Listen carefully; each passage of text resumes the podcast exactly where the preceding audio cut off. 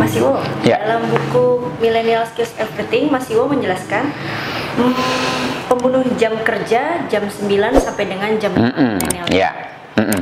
ya. Jadi teman-teman, eh, salah satu yang dibunuh oleh milenial adalah jam kerja dari jam 9 pagi sampai dengan jam 5 sore. Ya, kita kan biasanya kalau bekerja, ya rumahnya Depok, Tangerang dan sebagainya ke Tamrin itu berangkat jam 9 tapi dari rumah kan kira-kira jam 6 ya, jam 5 dan seterusnya ya.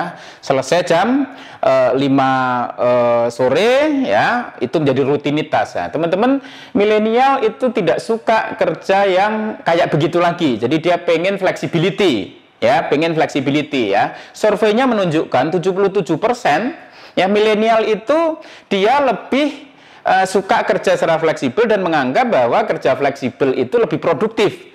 Ya, bayangkan kalau dari Depok ke Tamrin ya butuh dua jam, tiga jam ya balik lagi kan macet kan, balik lagi tiga jam berarti 6 jam ya udah habis di Jalan. di, di jalan gitu sehingga eh, tidak produktif gitu ya. Jadi eh, dan menarik juga bahwa 40% milenial itu surveinya di seluruh dunia, 40% milenial itu eh, mau gajinya turun ya ketika waktu kerjanya bisa lebih fleksibel gitu. Jadi mereka menginginkan waktu kerja yang fleksibel. Ya.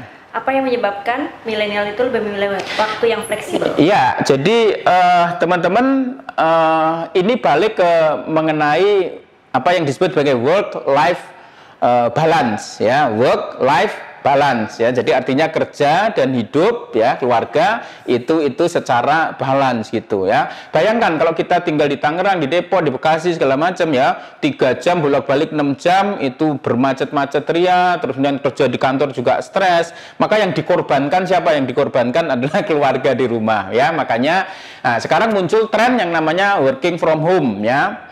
WF eh, Ho ya WFH ya working from from home. Jadi mereka menginginkan kerja yang fleksibel yaitu apa? Yaitu kerja di kerja di rumah gitu ya. Sehingga kalau dia kerja di rumah maka kemudian dia akan eh, bisa lebih banyak eh, apa dengan anak, dengan istri gitu ya. Sehingga nggak perlu kerja di di kantor. Jadi mereka menginginkan kerja fleksibel dan kalau bisa kerja di eh, di rumah. Eh, caranya gimana? Ya, caranya adalah sekarang teknologi ada video conference, ada teleconference segala macam sudah bisa. Bahkan sekarang banyak milenial yang dia sudah nggak kerja kantoran lagi, dia menjadi entrepreneur. Bisnisnya apa? Bisnisnya adalah e-commerce. Ya, jadi dia punya blog, dia punya web, ya, ke Bukalapak, ke Tokopedia gitu ya. Dia seharian ngurusin anaknya sambil dagang gitu ya. Itu lebih menarik ketimbang kerja di kerja di kantor gitu ya. Jadi mereka sangat menginginkan kenapa butuh fleksibilitas karena faktornya adalah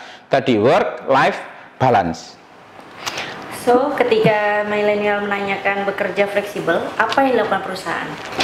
Oke, teman-teman, ketika eh, milenial tadi saya katakan, kalau anda nggak, saya sebutnya millennial friendly, ya, millennial friendly. Kalau anda nggak perusahaan nggak millennial friendly, maka dia akan ditinggalkan oleh milenial, ya. So, ketika kantor tidak memberikan satu opsi untuk kerja yang lebih fleksibel, ya, maka bisa jadi takutnya nanti perusahaan itu akan sulit mendapatkan eh, apa employee atau tenaga kerja milenial, angkatan kerja milenial gitu. Sementara tadi saya sudah mengatakan bahwa 75% 2025 itu angkatan kerja akan diisi oleh milenial dan sisanya oleh Gen Z gitu ya.